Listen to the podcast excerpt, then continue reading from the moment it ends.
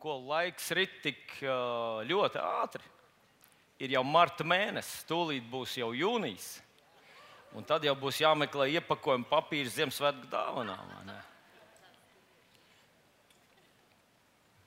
Tieši tā tas notiek. Šodien ir jāpiepilda diena ar saturu, jo mēs nejūtam, cik ātri tās dienas skrien mums garām. Šodien nosauc savu vārdu. Atmaksa būs vai trusis, kucēns vai zilonis.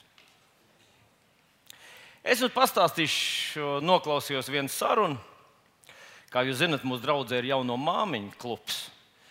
Un iepriekšējā svētdienā, kad bija reklāma jaunajām māmiņām, viņam atkal tusiņš un mārupē tas viss notiek. Es pie sevis padomāju, žēl, ka jaunajiem tētiņiem nav tusiņš. Tas būtu bez bērniem, protams, ar šašliku, kaut kādā saulainā vietiņā. Un tur vajadzētu būt kaut kam no tehnikas. Nu. Tētim būt ir daudz grūtāk kā mammai. Es zinu to, jā. Viens, viens brālis saprot man, kā tas ir. Jā. Bet nu, šajā jauno māmiņu klubā satikās trīs jaunās māmiņas. Tā bija truša māmiņa, suņa māmiņa, kur mēs nosauksim šodien ne lamu vārdā, tas ir normāls vārds, kuce. Nu, tā viņas sauc uh, tur. Un ziloņa māte. Vai kucīte bija tik satraukta? Viņa saka, vai, vai, kā tas būs? Es tā priecājos. Mums drīz pašām būs savi bērni. Nu, Truša māmiņa arī bija sajūsmā. Viņa, viņas žoklīši kustējās tik ātri. Ziloņa bāta bija mierīgāka, bet arī bija sajūsmā. Jā, jā, mums būs bērni. Pēc mēneša viņas atkal satikās jauno māmiņu klubā un bija nobažījusies kucīte. Vai es nezinu, doktor, neko man nesaka. Es tā nesaprotu, kas notiek. Par ko tu uztraucies? Viņai jautāja ziloņa mamma. Nu kā mēs taču pagājušo reizi satikām trušu māmiņu. Viņa jau piedzemdēja, viņai veselīgi pieci jauni trusēni, bet man vēl nekā. Nekas teica ziloņa mamma, kam jānāk, tas nāks un nekavēsies. Pēc diviem mēnešiem viņi satikās atkal. Un kucīte saka, vai, vai, cik brīnišķīgi. Es piedzemdēju bērniņus, man bija pieci. Kā tev? Ziloņa māte saka, es vēl aizvien esmu stāvoklī, bet kam jānāk, tas nāks un nekavēsies. Pēc gada viņi satikās vēlreiz māmiņu klubā. Kucīte saka, es atnācu pēc piecām dzemdībām, man tā kā viss atkal ir nonivelējies, gribējās atjaunot, atjaunot tās zināšanas. Ziloņa mamma saka, es vēl aizvien esmu stāvoklī. Pēc diviem gadiem jauno māmiņu klubā ieradās divas veterānas, ļoti pieredzējušas māmiņas, lai pastāstītu jaunajām par savu pieredzi. Tās bija trušu māmiņa un kuca. Trušu māmiņa stāstīja, ka viņa jau 12 reizes ir dzemdējusi, jau par šo laiku sadzemdējusi veselu cilti. Viņa ir māmiņa, vecmāmiņa jau piedodiet, astoņas reizes. Kucītis stāstīja, ka par šo laiku ir sešas reizes laidus pasaulē kucēnus. Nu jau viņa ir trīskārša vecmāmiņa. Un viņa jautāja uz ziloņu māti, kur neveikli skatījās uh, grīdā. Un, un, un, un stāstīja, ka viņa vēl aizvien ir stāvoklī. Kuru tu gribi apmānīt, teica Kuts? Paskaties uz mums! Normāli grūtniecība ilgst, nu, kā trušiem 33 dienas, kucē 65 dienas. Kas ir ar tevīm? Kur tu te? Nu, saki patiesību. Ziloņa māte teica, redziet, jūs piedzemdējat trušus pēc 33 dienām. Kucēni var piedzemdēt pēc 65 dienām, bet es nesāju ziloni. lai piedzemdētu ziloni, ir vajadzīgi divi gadi. Un tas, kam jānāk, nāks un nekavēsies. Viņš atnāks. Mīļie draugi, šodien es gribu teikt tā, ka mūsu kristiešu dzīvē situācijas ir līdzīgas tā kā šīm trim jaunajām māmiņām. Arī mūsu dzīvē ir lietas, kurām ir jānāk. Dažreiz šķiet, ka tās kavējas. Ja tās kavējas drusku, tā, tad tas ir kaut kāda atbilde līdzīga trusim. Ja tas kavējas drusku ilgāk, atbilde ir līdzīga uh, kucēnam. Bet, ja tas kavējas ļoti, iespējams, ka tava atbilde ir kaut kas ļoti līdzīgs ziloņu mazulim. Jo, lai iznēsat ziloņu mazuli, vajag divus gadus. Gribu šodien nodot tev, gribētu, lai tu ieraksti to savā dvēselītē un savā sirdī divas raksturvietas, kuras runā ļoti drosmīgi un nedod nekādas atkāpes. Gadrīz jāsaka, tie ir kā ultimāti Bībelē, kuras jaunā derība mums pasniedz. Pirmā raksturvietiņa ir no ebreju vēstures 10. nodaļas, 37. Uh, pāns, bet šī doma sākās druskuļi agrāk, jau 35. Un tie ir vārdi, kurus mēs dzirdējām, iz, kurus es ieliku ziloņmātes mutē. Un tie vārdi bija tas, kam jānāk, nāks un nekavēsies. Saka tas, kam jānāk, nāks un nekavēsies. Nu, Rekur es lasu ebreju vēstulītē, 10. nodaļā, sākšu ar 30, 35. pantu. Neatmetiet savu cerības drosmi tai ir liela alga. Jo jums vajag pacietības, lai Dieva prātu darījuši iemantotu apsolījumus. Lai iemantotu apsolījumus, nepietiek ar to, ka tu vienkārši vēl aizvien esi vajadzībā. Ir vajadzīga pacietība un cerības drosme. Un tad ir tas stiprais pāns, jo vēl maz brīdis, un tas, kam jānāk, nāks un nekavēsies. Bet mans taisnais no ticības dzīvos, bet uz to, kas atkāpjas, manai dvēselē nav labs prāts. Bet mēs ar tevi neesam tie, kas atkāpjas uz pazušanu, bet kas tic un iemanto dzīvību. Tā atkāpšanās nemaz nenozīmē, ka tev nu jāiet prom smilts gaisā, spērdams un jālādās un jāapsaukās uz visiem. Dažkārt arī tādus cilvēkus mēs sastopam, bet tas nav īsti tas, par ko šeit ir runa. Te iet runa, ka tu pazaudē savu ticības drosmi.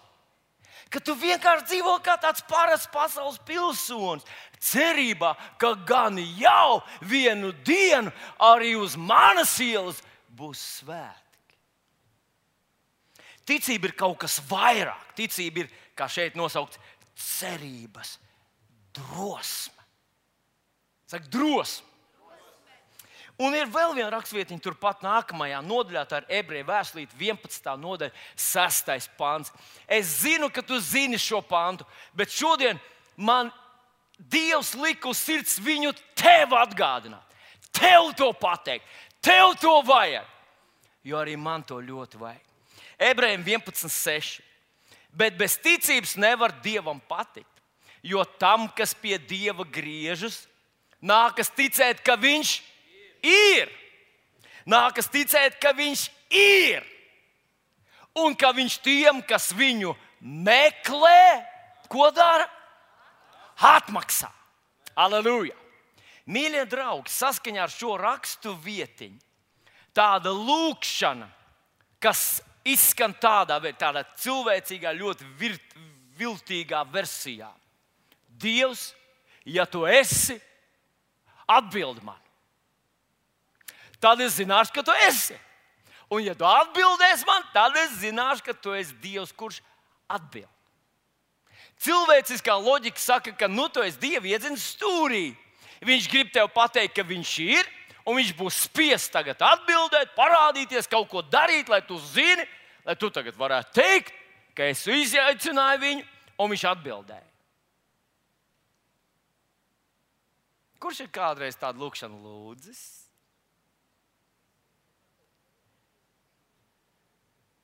Viena roka, divas, trīs, četras.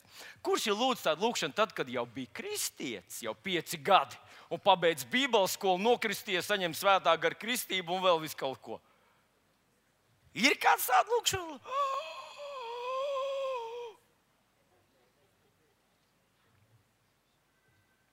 Saskaņā ar šo rakstvietiņu tādu lūkšanu viņai nav atbildes. Kāpēc? Tāpēc, ka, lai mēs atnāktu pie Dieva, mums ir jāzina, ka Viņš ir vispirms. Ir Dievs, ir Dievs, ir Dievs, ir Dievs, ir Dievs, ir. Es jums stāstīju to gadījumu, kad mēs bijām mežā. Latvijas mežā, kur neviena cilvēka kāja vēl nebija spērus pirms mums. Es jums saku, netālu no Krievijas robežas, tur neviens vēl nebija bijis. Mamutu kaulu mētājās pa kreisi un pa labi visur apkārt. Un pēkšņi tur starp sūnām un visiem satrūnējušiem kokiem es ieraudzīju pusburku. Puse no trīs litru burkas. Un es skaidri zinātu, tas ir evolūcijas pierādījums. Ja mēs būtu atnākuši vēl pēc tūkstošiem gadiem, tā burka būtu evolūcionējusi. Un pēc tūkstošiem gadiem būtu vesela burka. Un ja vēl pēc tūkstošiem gadiem būtu burka ar vāciņu. Pareizi? Nu, taču jūs smējaties par mani.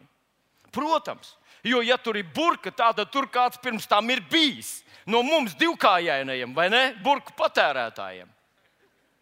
Mēs tur aiznesam to burku. Tāpēc paskatieties, ka tu skaties uz debesīm, skaties uz pasauli, skaties uz visu to ideālo, ideālo harmoniju, ideālo kārtību, to krāsaino pasauli. Mēs zinām, ka tur ir mākslinieks bijis pirms tam. Vai ne? Jūs taču nevarat aiznest, aiznest gleznu kaut kur pārdot un sakot, ziniet, ko viņa pati. Viņa pati 5 miljonu gadu plus sagadīšanās, un tā pa glezna. Vakars uz ķīša zara. Nē, mēs zinām, ka tas nav iespējams. Ja ir glezna, ir autors. Ja ir mākslas darbs, ir mākslinieks. Un Dievs ir parakstījis uz savu mākslas darbu. Bībeli saka, ka Dievs saka, ka viņa roku darbi liecina par to, ka šeit ir autors. Autors! Aleluja!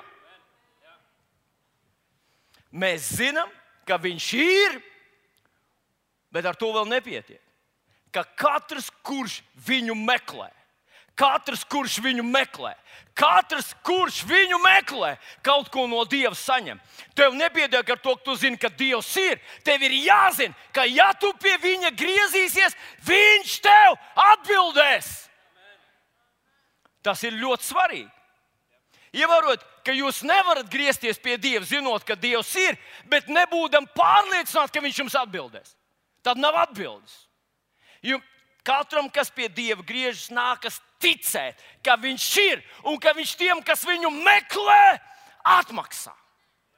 Un es uz šī vārda pamata gribu pateikt, ka katrs, kurš pie Dieva griežas, katrs vecs, jauns, slims, vesels, izglītots, neizglītots, ļoti bagāts, ļoti slavens, ļoti aizspriedumains, vai cilvēks, kuram vispār nekā no tā nav. Bet viņš nāk pie Dieva ar pārliecību, ka Dievs viņam atbildēs. Viņš saņem atbildi. Dievs atbild vienmēr. Tikai ja mēs nepazaudējam šo, ja mēs nepastāvam savā cerības drosmē, tad mēs iespējams neiemantojam atbildi, at, šo atbildi no Dieva. Mēs viņu nepiedzīvojam. Bet tas nav Dieva dēļ, tas ir mūsu pasivitātes, nezināšanas, ignorances vai nesaprašanas dēļ. Bet Dievs ir Dievs, kurš ir un atbild. Un, mīļais draugs, šodien es gribētu teikt, ka uh, tā atbilde no Dieva var būt kā trusis, kā kucēns vai kā zilonis.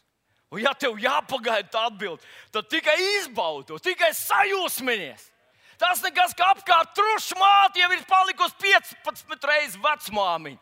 Tu savu ziloni sagaidīsi, jo Dievs ir Dievs, kurš atbild, un tas, kam jānāk, nāks un nekavēsies. Jēzus vārdā. Šodien es gribētu ar tevi paskatīties uz trim atsevišķiem gadījumiem, kad šķita, ka atbild no Dieva kavējas, ka viņas nav, ka, viņa, ka tas nedarbojas. Un es gribu, lai tu ieraugi, ka tas darbojas vienmēr, ja cilvēks patiesi griež pie Dieva ticībā, atbilde no Dieva vienmēr atnāk.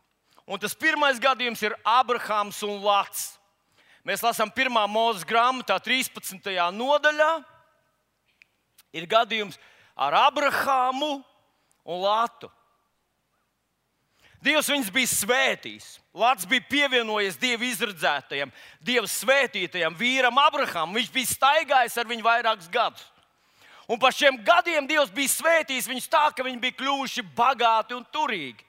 Un tad sākās konflikts viņu starpā. Vai jūs esat pamanījuši, varbūt neesat pamanījuši, varbūt esat mazliet sajutuši kaut ko, ka līdz ar to, ka kādreiz tavā dzīvē atnāk labklājība un atnāk kā kaut kādas lietas, kuras agrāk tev nebija, ka tu paliec jūtīgāks pret citiem cilvēkiem, jūtīgāks pret kaut kādām tādām nu, šaurības lietām un, un, un, un tāds. tāds Tu, tu tā paliec tāds neizskaramais. Un tas ir kaut kas šeit tāds notiek, ka vienā dienā Abrahāms pasauc Latu un saka tā, lai mūsu starpā vairs nebūtu strīdu. Mēs esam tik ļoti bagāti kļuvuši, mums abiem ir tik daudz lopu, lai nav mūsu vidū strīdu, mēs nevaram ar strīdiem dzīvot. Es domāju, ka katrai ģimenei vajadzētu izdarīt tādu gudru lēmumu sanākt vienā kopā un teikt, paklausies, pēdējā laikā mūsu vidū ir vairojušies strīdi. Mēs tā dzīvot nevaram. Ko mēs varam izdarīt, lai likvidētu strīdus? Ir viens maģisks risinājums. Ja tu esi nelabojams egoists, šķiries, šķiries, aplaimo kādu citu šo tu esi sagrāvis, šo tu esi pazemojis, šo tu esi nodevis. Bet te pasaulē aiziet vēl kāda izdara tāpat, un pēc tam vēl kādam, un vēl kādam, un vēl kādam. Briesmīgi, gudrība. Abra, ne to Abrahams būtu gribējis. Es domāju, ja Lats būtu apzinājies, kur viņš atrodas, kāpēc viņš ir tik ļoti svētīts, viņš būtu teicis tā, Abraham, es sapratu mājienu. Es sapratu mājienu. Pēc nedēļas mums būs milzīgs festivāls. Trešdaļa no festivāla nozīmē pasākums, liels svētki. Trešdaļa no maniem lopiem mirs. Un mēs uzklāsim tādu galdu, ka mēs to atcerēsimies nākamos piecus gadus. Nosvinēja visi. Pēkšņi lopi ir daudz mazāk, un mēs atkal ejam kopā, atkal esam sajūsmā, atkal esam viens priekš otru noderīgi un svarīgi, un mēs atkal esam svētīti.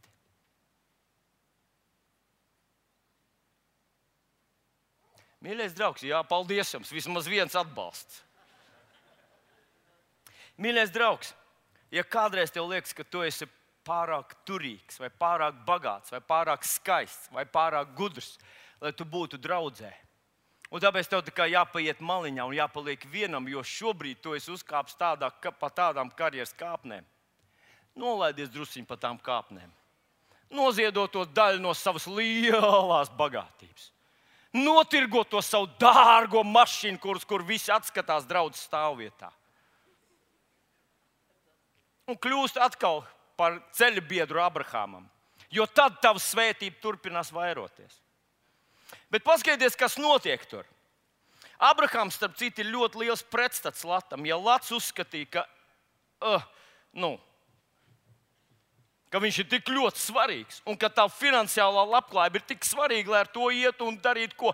Vispār Latviju mēs varētu nosaukt par tādu piesardzīgo kompromisu. Viņš ticēja Dievam, kamēr tas bija izdevīgi, kamēr par to nebija jāmaksā. Viņš bija gatavs iet kur un kā, kamēr visa kā vairojās, bet tikko no kaut kā vajadzēja atteikties ticības dēļ, Dieva dēļ. Lācis to nebija gatavs darīt. Viņš gāja uz Sodomu tāpēc, ka tur bija liels tirgus, tur bija liels pļavas, tur bija nodrošināts panākums viņa ganāmiem pulkiem. Un tikko viņš tur aizgāja, kādu brīdi likās, ka viss bija kārtībā. Viņš neatteicās no Dieva, Bībelē saka, ka viņš vēl aizvien bija taisnais. Un Dievs neaizmirsa par viņu. Dievs viņu izglāba.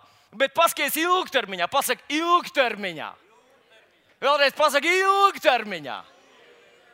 Dievs vienmēr vēro mūsu ilgtermiņā. Viņš vienmēr mūs ved ilgtermiņā. Viņš vienmēr skatās daudz tālāk nekā rītdien vai parītdien. Ilgtermiņā šis piesardzīgais kompromiss apzaga latu. Un beig, beigās viņš nobeidz, jā, izglābās ar savām meitām. Bet jūs zināt, cik skumjš bija viņa stāsta nobeigums. Mēs zinām, ka nav tāda, kas, kas saucās mīlestība, kas neko nemaksā. Vecākiem, kuriem ir bērni, viņi, viņiem viņi maksā un maksā ļoti daudz. Laulātie, kad viņi sajiet kopā, viņu mīlestība nav oāze, kas pēkšņi padarīs cilvēkus laimīgus uz visu dzīvi. Kad divi laulātie sajiet kopā, viņi zina, ka viņu sadzīve, viņu mīlestība viņiem maksās. Iebiks tam, kurš sēž tev blakus, saka, maksās. Un Abrahāms ir tas. Un Abrahāms saka, tā, paklausies, Latvijas, kur pusi tu gribi iet? Tev ir priekšroka. Un Abrahāms izvēlās, piedodiet, Latvijas izvēlās tās zaļās pļavas. Vienīgo biznesam loģisko risinājumu. Un viņa problēma taču bija lopi un ganības. Vienīgā vieta, kur bija ganības, Latvijas izvēlās to. Abrahāms paļāvībā uz Dievu saka, es iešu uz otru pusi. Un šeit ir šī viena atbilde, kur Dievs momentāli atbild. Pasakieties, Viņš atdod Latam to pārpilnības zemi. Un nākošā atbilde no Dieva ir tāda. Un tā ir uzrakstīta šeit pirmā mūža grāmatā, 13. nodaļā, no 14. panta.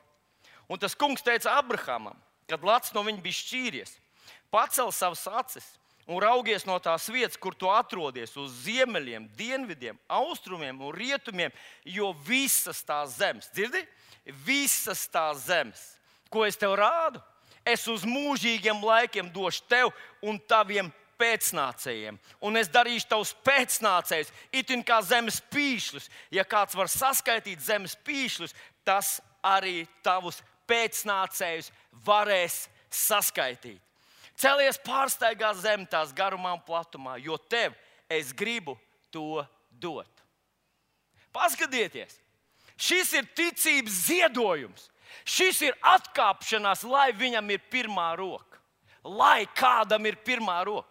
Mums ir iemācīts, ka īsts kristietis ir tas, kurš drīzāk pagrūdīs brāļus malā, jo te taču iet runa par biznesu. Abrahams teica, lūdzu, tu gribi to, tas tev ir svarīgi. Ņem to. Nākošais viņš pagriežas atpakaļ. Dievs saka, tas viss ir tavs. Viss, ko viņš tur paņēma, ir tavs. Es tev to došu.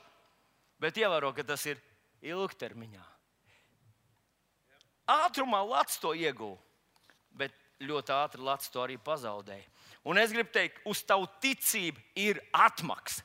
Un jo drosmīgāk, jo pašaizliedzīgāk, jo mīlestības pilnāk ir tava ticība, jo lielāk ir atmaksa par to. Jēzus vārdā. Otrs gadījums, ko es tev gribu parādīt, ir Manase. Un tas ir uzrakstīts uh, otrā laiku grāmatā, 33. nodaļā. Manase ir izcīņas dēls. Izcīņa ir ļoti dievbijīgs ķēniņš kurš savā dzīvē piedzīvo varenu dieva brīnumu. Dievs viņu paceļ no pīšļiem un padara par ļoti ietekmīgu, ļoti bagātu, ļoti dievbijīgu ķēniņu. Bet viņam ir dēliņš, un viņa vārds ir Manase. Izcīņa nomirst, un Manase kļūst 12 gadu vecumā, kļūst par ķēniņu. Un Manase visu salaiž tūtā. Paklausieties, ko mēs varam izlasīt par manas otrā laika grāmatā, 33. nodaļā. Manasam kļūstot par ķēniņu bija 12 gadu, un viņš valdīja Jeruzalemē 55 gadus. Un viņš darīja to, kas bija ļauns tā kunga acīs, sekodams to tautu negantībām, ko tas kungs bija izdzinis Izraēla bērniem ienākot. Viņš atkal lika uzcelt kalnu augstieņu svētnīcas, ko viņa tēvs Hiskija bija nopostījis. Viņš uzcēla altārus bāliem, izveidoja ašēras, pielūdza visus debesu zvaigžņu pulkus un tiem kalpoja. Viņš arī uzcēla altārus tā kunga namā, par kuru tas kungs bija noteicis Jeruzalemē, lai mīt mans vārds uz mūžīgiem laikiem. Viņš uzcēla altārus debesu zvaigžņu pulkiem, tā kunga nama abos pagalmos. Viņš lika saviem dēliem iet nāvē kā uguns upuriem Benhinomas ielā. Viņš nodarbojās ar zīlēšanu, vārdošanu, izsauc mirušo garus, turēja zintnieks. Viņš darīja daudz tāda, kas tam kungam nepatika, viņu ar to izaicinādams. Un viņš novietoja arī elka, viņš novietoja arī elka tēlu, ko viņš bija izveidojis dieva namā, par kur dievs bija Dāvidam, viņa dēls Salamanam teicis, šī namā un Jeruzalemē, ko es esmu sev izraudzījis, visu Izraēlu cilšu starpā, es likšu savam vārdam dzīvot mūžīgi, un turpmāk es nelikšu Izraēlu kājai atrauties no šīs zemes, ko es esmu nolicis jūsu tēviem, ja vien viņi turēs un darīs visu, ko es esmu viņiem pavēlējis pēc bauslības, likumiem un tiesām caur mūzu. Un Manasa pavadināja Jūdas un Jeruzalemes iedzīvotājus, ka viņi rīkojās vēl ļaunāk nekā tās tautas, ko tas kungs bija licis iznīdēt Izraēlu bērnu priekšā. Un tas kungs gan brīdināja Manasi un viņa tautu, bet viņi to neņēma vērā. Tāpēc tas kungs lika doties pret viņiem as, uzbrukumā Asirijas ķēniņa karavadoņiem. Tie sagūstīja manasi ar īpašiem kāšiem, turēja viņu apcietinājumā, iekautu vara važās, pēc tam aizved viņu uz Bābeli. Tad viņš savā postā lūdza žēlastību no tā kunga, savu dievu, un viņš ļoti zemojās savu dievu priekšā un nemitīgi viņu pielūdza. Tad tas kungs ļāvās pielūgties, uzklausīja viņa pazemīgo lūgšanu un pārveda to atkal Jeruzalemē, viņa ķēniņa varas godā. Tad manis atzina, ka tas kungs patiesi ir Dievs. Šajā vietiņā apstāsimies. Ko tad manas ir tādu salaida grīstē? Kas tas bija? Pareizi Dārvids saka, visu. Bet, ja mēs tā reāli paskatāmies, ko tad viņš izdarīja nepareizi? Viņš šodien mēs viņu nosaucam par sinkrētistu manas. Sinkrētisms tas tā kā paņemt labāko no visām malām. Viņš, viņš ne tikai pielūdz Dievu to kungu, Dievu tā kunga nams vēl aizvien tur bija. Viņš arī kalpoja bāliem, viņš, viņš novietoja elka tēlus. Viņš tā kā domāja, ka, ka vairāk ir labāk. Vairāk dievu, vairāk kalpošana, vairāk kultūras bagātības, šīs reliģiskās kultūras bagātības ir labāk. Un kā tas izskatītos šodien? Tas izskatītos tā, ka mans tēvs, viņ, viņ, es jau redzēju savu tēvu, es jau redzēju savu tēvu. Es gribu būt vēl labāks. Un te man gribas teikt, zinot, ko bieži vien mums liekas, ka tas vien, ka mums bērni ir uzauguši kristīgā ģimenē, ka viņi visu saprot, ka viņi visu redzējuši, ka viņi sekos pa mūsu pēdām. Bet patiesība ir tāda, ka pamatā neviens neredz tos brīžus un tās cīņas, kuras mēs izcīnām savā ģēdzamāns dārzā. Atcerieties, Jēzus bija tajā vietā, kur asins lāses ar sviedriem kopā pilē, kur viņš bija galēji stresa pakāpē, kur viņš sauc uz Dievu un teica, nē, ne mans, bet tavs prāts, es esmu gatavs uzupurēties. Viņš pasauca savus mācekļus un teica, nāciet līdzi ar maniem, esiet šeit. Ko izdarīja mācekļi? Viņi aizmiga tur. Dažreiz mēs esam tik naivi, mums liekas, ka mūsu bērni taču visu to ir redzējuši. Viņi mācīsies no mūsu pieredzes. Bet patiesībā tas tā nav. Ļoti bieži tieši bērni ierauga, ka viņi ir tas galvenais vecāku dzīvē, kristīgu vecāku dzīvē. Galvenais ir bērni. Vienā dienā viens viens brālis man teica, zini, mēs, es tagad nebūšu šo svētdienu, un es nezinu par tām nākamām svētdienām. Un es saku, kas tad tev? Nu, kas, kas notiek? Un mums teica, svētdienās ir mm, puikam ir spēles. Mums teica, sākās futbols, un svētdienās viņam ir tieši tās lielās sacensības. Un viņš būs, viņš būs nākamais mesī. Viņš būs nākamais uh, nesī. Viņš būs nākamais Nu, kaut kas viņš tur būs, bet es nebūšu svētdien šeit, es būšu tur. Es, saku, nu, es saprotu, es ļoti saprotu, ka attiecības tēvs un dēls, bērns un ģimene ir ļoti svarīgas.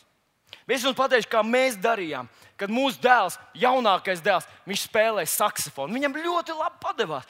Bija interesanti, ka viņš varēja visu mēnesi nohalturēt. Un tad divas dienas bez, pirms konkursa mājās viņš paspēlēja, paspēlēja, paspēlēja. Un tad mēs aizbraucām uz konkursu, un viņš uzvarēja tajā konkursā. Un vienreiz tas notika, otru reizi, un viņam pasniedzējis, saka, nu, tu strādāji? Jā, es strādāju. Viņš teica, nu, redzi, ka tu gribi, tu vari, viņa saka. Bet mēs redzējām, ka viņš nestrādāja, ka viņš vienkārši divas dienas pēc konkursa.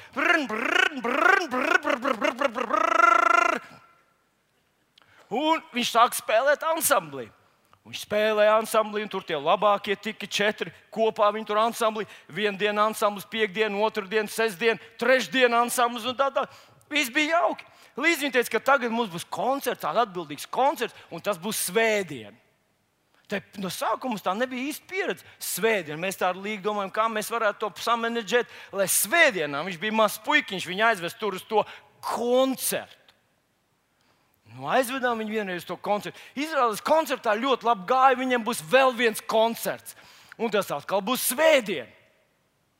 Un mūsu ģīmis palika tāds neapmierināts.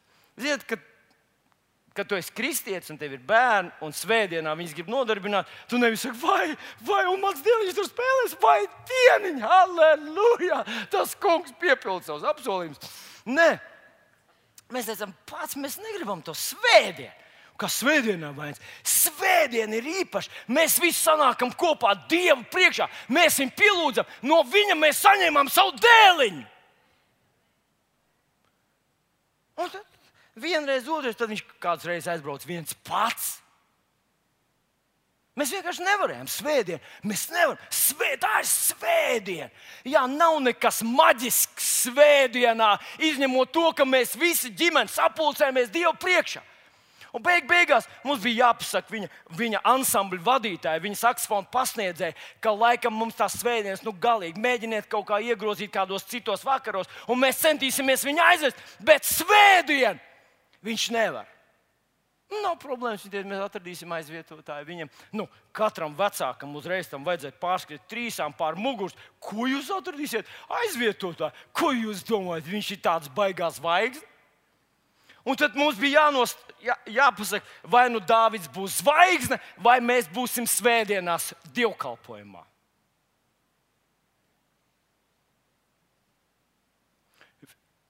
Un es iedomājos, ja mēs būtu atbalsts, ja mēs būtu acis pagājuši skrējuši, vai dienu, vai dienu svētdienā, Dārvids spēlē saksofonu, viņam tas padodas. Varbūt viņš šobrīd, kamēr mēs sēžam šeit, spēlētu kaut kādā tur tādā Eirovīzijas, tajā tur, viņam būtu uztetovēts uz muguras Jēzus, un uz nabas būtu uzrakstīts Jānis 316, un viņš spēlētu tur, un viņš būtu profesionāls, bet viņš nebūtu šeit.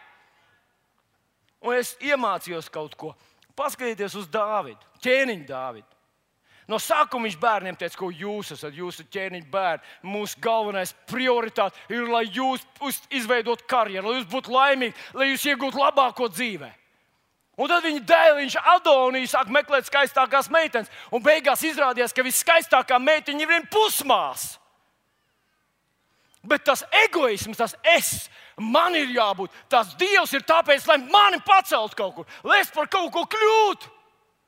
Tas palika tik ļoti slimīgi, ka viņš neapstājās pie tā, ka tā ir viņa pusmāsa. Viņš paņēma viņu un izvaroja viņu. Ģimenē, tajos laikos.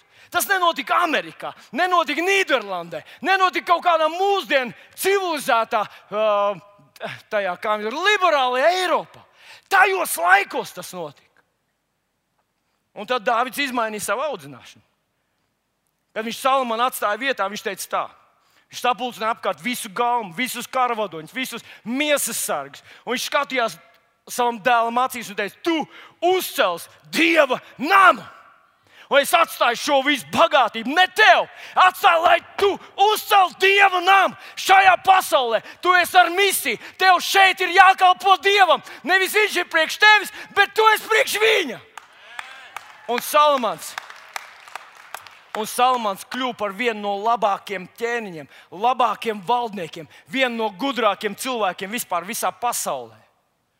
Ko es ar to gribu pateikt, mīļais draugs? Es gribu pateikt, ka tavi bērni nespēja nolasīt to, kas notiek tavā dvēselē. Tev viņas ir jāapsēdina un viņiem jāpasaka. Tev ir jāpasaka vēlreiz un vēlreiz, un tev ar savu rīcību jāpierāda, ka Dievs tavā dzīvē ir pārāks par visu. Abrahams to izdarīja ļoti praktiski un ļoti uzskatām. Viņš uzlika savu pusaugu īzāku uz altāra. Un viņš teica, dārgais dēls, Dievs man tevi ir iedevis. Viņš ir mans svarīgāks par tevi. Tu esi mans vienīgais bērns, un es labprāt mirtu tavā vietā, bet Dievs man ir svarīgāks. Dievs ir svarīgāks. Dievs ir svarīgāks. Un Īzāks to ielāgoja. Viņš pēc tam to nodeva saviem bērniem. Viņš teica, Dievs, pār visam Dievs, mūsu labklājība ir no Viņa, mūsu dzīves gadi no Viņa, mūsu dzīves ceļš no Viņa, mūsu talanti no Viņa, viss mūsu dzīves draugi no Viņa, mūsu bērnu veselība no Viņa. Un es šodien gribu, lai tu to ieraugi. Izcīt un nenodevu manasem. Un manas no sākuma pielūdz Jēzu Apstuļu darbu 4.12. rakstīts, nav pestīšanas nevienā citā, jo nav neviens cits vārds cilvēkiem zem debes dots, kurām mums lemta pestīšana. Bet tā bija darījis viņa tēvs. Viņš sāk domāt, ka visas labās lietas tēva dzīvē atnāca no vienkārši nu, tāpat. Un tad viņš pielūdz Jēzu no sākuma, tad viņš sāk pielūgt Mariju, tad Pāvilu, tad Svēto Pēteru. Tad viņš sāk domāt, varbūt, meditācija vēl kaut ko man palīdzēs. Tad viņš lūdzot tēvreiz jau nostājies jogas pozā un sāk elpošanas vingrinājumus nu, trenēt. Tad viņš sāk lasīt, kas tur budismā ir labs, un varbūt vēl kaut kur. Var, viņš, viņš sāka apvienot savā kristīgajā dzīvē visu, ko labo šajā pasaulē. Un tas sagrāva viņu. Tur uzrakstīts, ka tas ķēniņš atnāca un viņa ar īpašiem āķiem sagūstīja. Es nezinu, kā tas izskatījās. Bet tas bija nožēlojami. Viņa aizveda tur, tur viņš bija izklaides objekts un vergs tālā, svešā zemē. Diemžēl, paskatieties, kas notiek ar kristiešu bērniem. Mēs neiemācām saviem bērniem, ka viņi ir šeit priekš Dieva, ka viņi ir no Dieva, ka viņu dzīvē misija ir lielāka nekā viņu pašu labklājība un labsajūta. Ļoti daudz kristiešu bērnu aiziet tā kā manis prom pasaulē, kļūst par vergiem un atgriežas pēc entojiem gadiem, savainotām, noplicinātām, piemēslotām dvēselēm. Tam tā nebūtu jābūt. Bet tā labā ziņa ir tāda, ka tajā bedrē, kur tas manas nu bija, viņš sauc uz Dievu.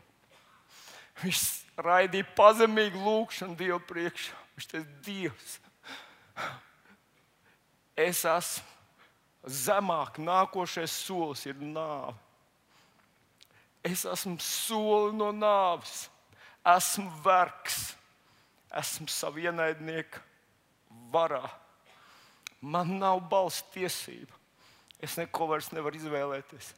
Bet viņš sāk saukt uz savu dievu, savu tēvu dievu. Viņš griezās pie Dieva ticībā, ka Dievs ir un ka Viņš atmaksā tiem, kas viņu meklē. Tas ir vispār nedzirdēts stāsts, ka kāds ķēniņš var atnākt no verdzības, atgriezties savā valstī un kļūt par ķēniņu atkal.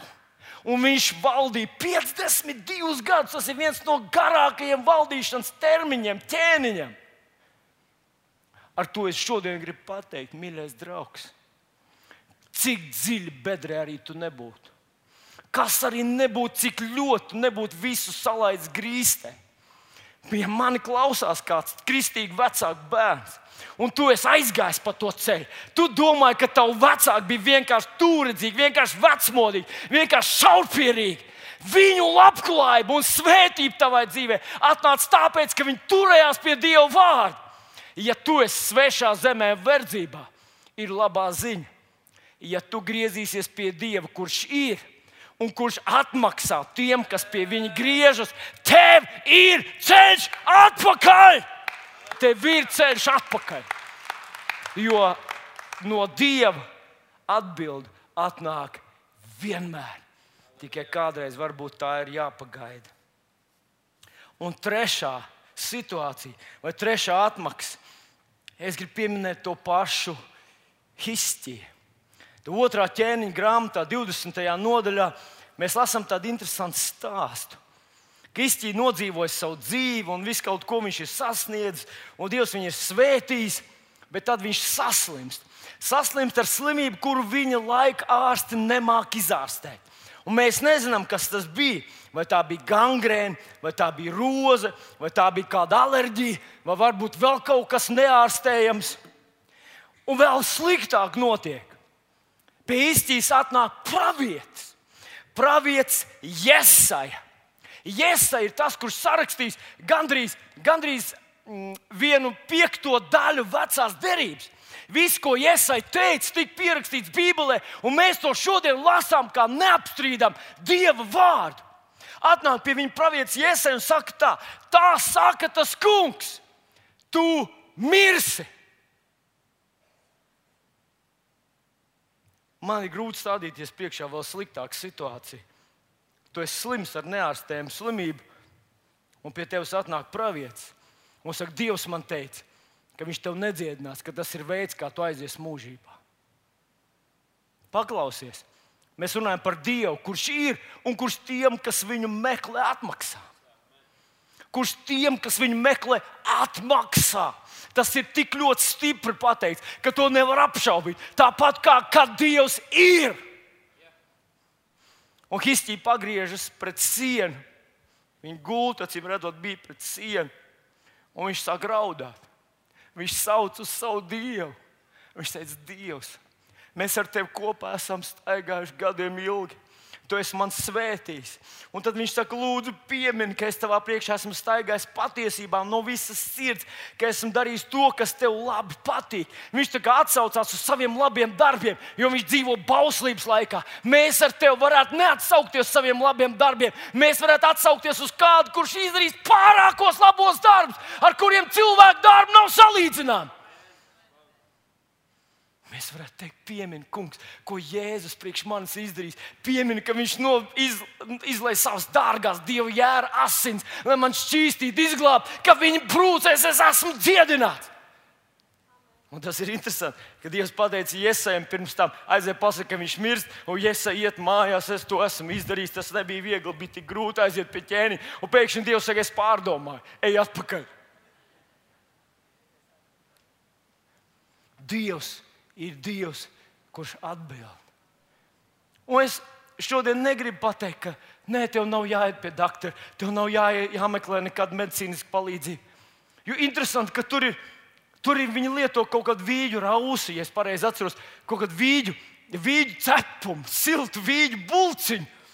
Viņi lieto, lai, un es tā domāju, tas, tas kaut kā asociējās ar to, ka kaut kas, kas līdz šim nedarbojās, kaut kas, kas līdz šim bija neefektīvs, pēkšņi pēc tam, kad viņš saņem no Dieva to atbildi, ka viņš ticībā paļaujas uz Dievu, kurš atbild. Pēkšņi tas, kas līdz šim nedarbojas, tagad nostrādā. Un viņa dzīvē viņš saņem, Dievs viņam saka, es tev dodu vēl 15 gadus. Iedomājieties, ja pēc, pēc divām dienām tu varēji būt jau zārkā. nu, Bet Dievs saka, tāpēc, ka tu uz maniem, tu griezies pie manis. Tāpēc, ka tu uz mani paļāvies. Tāpēc, ka tu nevienkārši apcietinājies un nevis samierinājies, bet tu sauc uz dzīvību, dodošo Dievu. Es tev iedodu vēl 15 gadus. Man tas asociējās ar to, ka gandrīz spriedums ir pasludināts, bet uh, Dievs to izmaina. Halleluja! Un es šodien gribu teikt, Katrs no mums, kas mēs griežamies pie Dieva, katrs no mums, kas mēs griežamies pie Dieva ticībā, kad mēs meklējam Viņu vaigu, kad mēs pieceļamies, kad mēs pieceļamies savā attiecībās ar Dievu, atbildībā ar Dievu, savā, savā aicinājumā, apzinoties, kāpēc mēs šeit esam un priekš kam Dievs mūs šeit, šajā pasaulē grib lietot. No debesīm ir atbilde, no debesīm ir atbild, un ja viņas vēl nav, tad tas nozīmē, ka tas būs kaut kas lielāks. Ja viņi vēl nebūs rīt, halleluja! Es labāk pagaidīšu divus gadus, bet piedzemdēšu ziloni, nekā pilnu māju ar trušiem. Jēzus! Halleluja! Un es šodien, es šodien gribu teikt, ka Jēzus mācekļi vēl īsti neapzinājās, kas te notiek. Šos trīs ar pus gadus viņiem mācīja, rādīja, Dievs runāja uz viņiem, un viņi to īsti vēl nesaprata. Līdz vienam vakaram viņš teica tā. Mēs tuvojamies jau beigām. Vienu vakaru, kad viņi paiet vakariņas, viņš teica tā. Viņš paņēma maizi, pārlauza un sacīja, šī ir mana miesa, kas par jums to dota. Un tad viņš paņēma biķeri un teica, šis biķers ir jaunā derība manās asinīs. Cik kārt jūs no tās baudat, pieminiet to, ko es esmu priekš jums izdarījis. Un, mīļais draugs, ir cilvēku grupas, kas tādu lielu akcentu liek uz to, ka, tur, ka tā maize pārvērtīsies, ka tas, kas tajā biķerī iekšā, tas ir tas, tas nu, savienošanās, tas ir kaut kāds substants, brīnums notiek tajā biķerī. Bet es gribu šodien pateikt, ka tas brīnums notiek tavā sirdī. Ja tu ieraugi šo vienkāršo maizīti, ko viņi pirms tam bija ēduši, bet ja es saku, šī maize ir savienošanās ar maniem, šī maize ir mana palīdzība tavā dzīvē, šī maize ir mūsu personīgā sastapšanās ar tevi. Šī maize ir mana atbilde uz tavu ticību, uz tavu lūgšanu. Šodien mēs tūlīt baudīsim vakarēdienu. Es nezinu, kā tu esi baudījis to līdz šim, bet es zinu vienu. Ja tu atceries, ka katru reizi, kad tu griezies pie Kunga Jēzus Kristus, ja tu griezies pie Viņa kā pie sava glābēja, ne tikai tavas dvēseles glābēt, bet pie tava dziedinātāja, pie tavas svētības garanta. Kad tu griezies pie viņa un saki, kā izķītēts, bet es atceros, ko tu priekš manis izdarīji. Man ir dalība pie svētības kausa. Es esmu nelabojams, neatgriezeniski svētīts. Ja tu baudi to nevis kā kaut kādu mazu maisa gabaliņu, kaut kādu šķidrumiņu, bet ja tu baudi to kā dieva noslēpumu, kā saskaršanos ar paša dieva visvarano spēku, tad šis vakarēdienas var kļūt par pārmaiņas punktu. Tas var būt tas brīdis, kad tu kļūsi stāvoklī ar ziloni. Es runāju par atbildi no Dieva. Šis brīdis var būt brīdis, kad tu sajūti, ka Dievs nevienkārši ir, bet Viņš tev atbildēja un vienā dienā tu to ieraudzīsi. Es ļoti gribētu, ka mēs varētu ar tādu pietātu, ar tādu cieņu un atklāsmi paskatīties uz to. Un teikt, es pieņemu tevi, Dievs, ka tu esi un tu atbildi. Es pieņemu tevi, es ceļos un zinu, ka tu man apgaismos. Es zinu, ka tava godība, tava palīdzība, tavs atbalsts, tava apsardzība manā dzīvē ir reāla. Es uz to paļaujos un es to pieņemu. Jēzus vārdā. Aizver ciet savus acis. Iedomājies, ka tu esi tajā augšstabā. Un Jēzus ir gājis, staigājis ar tevi trīs ar pus gadus. Un tagad viņš saka, no šī brīža mums būs vēl tuvāk, vēl tuvāks kontakts. Es ļaušu tev būt daļai no, no manas miesas, no manis. Tu esi daļiņa no manis, no manas spēka, no Dieva mīlestības. Tu esi daļiņa no svētības derības, jaunās derības, no svētības kausa. Baudi to. Un tu pie sevis pārdomā, ak, Dievs, es varu pieskarties pašam Jēzum Kristum. Tā kā tā asinsēdzīgā sievietes, ja vien es viņam pieskaršos, kū, es saņemšu savu atbildi. Tu vari viņam pieskarties. Tu vari no paša viņa dzīvības iedzert. Jēzus vārdā. Tam patiesi jābūt spēcīgam. Piecelsimies kājās, draugi. Debes Tēvs, Kunga Jēzus vārdā. Mēs pateicamies, ka esam atnākuši pie Dieva, kurš ir un kurš atbild. Dievs, kurš atmaksā tiem, kas tevi meklē, kas tiešām piesauc tevi savā dzīves grūtībās.